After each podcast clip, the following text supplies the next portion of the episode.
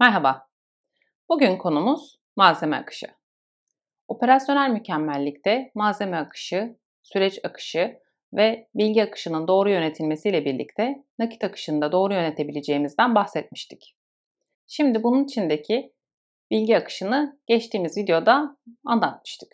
Bugün de içerisindeki malzeme akışını anlatırken nelerden bahsettiğimizi belirteceğiz.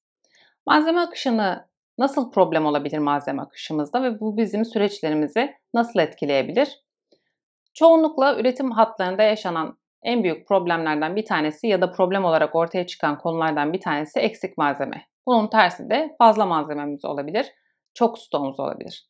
Bu işin başka bir boyutu ama eksik malzemeyi yaşar yaşamaz hemen problemin olduğunu fark edebiliyoruz. Çünkü hatta durduruyoruz ya da işte hatta o anda üretilmekte olan model neyse o modeli değiştirip farklı bir modelin üretimine geçmek zorunda kalıyoruz.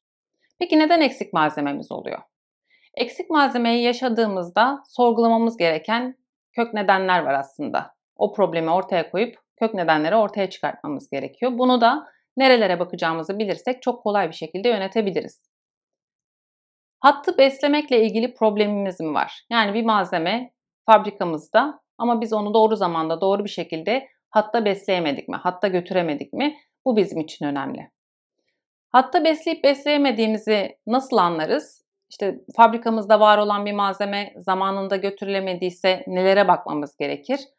Doğru bir şekilde adresleme yapıyor muyuz? Malzemeler tek bir noktada doğru bir şekilde adreslenerek mi depolanıyor? Bu bizim için önemli. Çünkü aksi takdirde ben gittiğimde eğer malzemenin yerini bilmiyorsam onu bulmakta zorluk çekiyorum. Ancak belki malzemeyi yerine koyan kişi hatırlıyor olabilir. O da çok büyük depo alanlarında ya da çok fazla malzemenin hareket gördüğü yerlerde o bile bazen mümkün olmayabiliyor.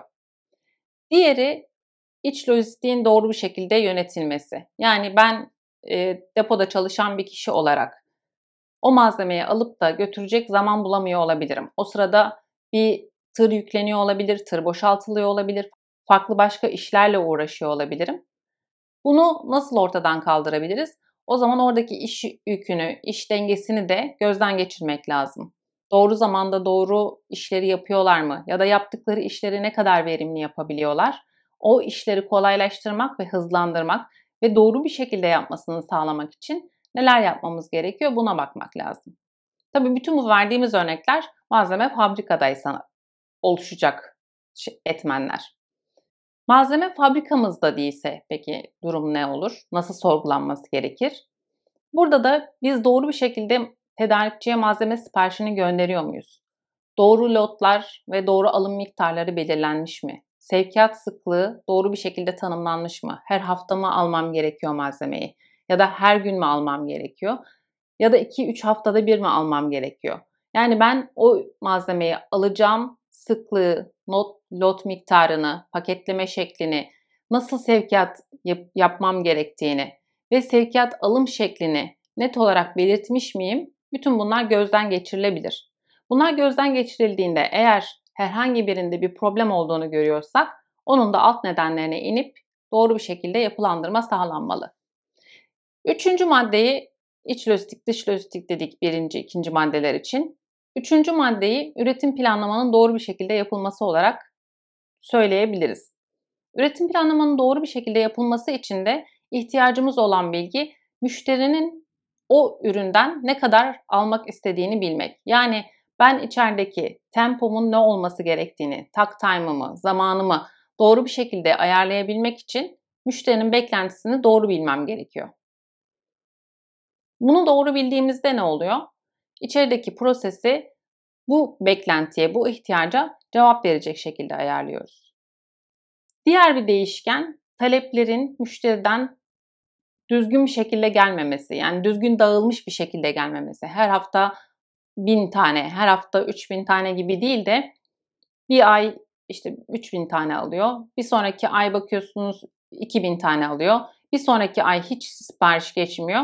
Sonraki ay tekrar 3000 tane geçiyor. Bu dalgalanmayı nasıl yöneteceğimizi bilmek ve bu dalgalanmanın en önemlisi farkında olmak önemli. Bunu fark ettikten sonra geriye doğru dönerek yani ben üretim içinde nasıl bir plan yapmalıyım ki bu dalgalanmalara ve müşterinin ihtiyacını doğru bir şekilde karşılamaya cevap verebileyim. Bu üç başlığı incelediğimizde içerideki malzeme akışını doğru bir şekilde sağlamak mümkün. Bununla birlikte lojistiğin faaliyetlerini iyileştirmek ve oradaki maliyetleri azaltmak için yapılacak bazı şeyler var. Bununla ilgili bir blog yazımız var. Onun linkini de aşağıda bırakıyoruz. Eğer okumak isterseniz daha fazla bilgiyi orada bulabilirsiniz lojistik maliyetlerinin azaltılması ile ilgili olarak. Bugünlük de bu kadar.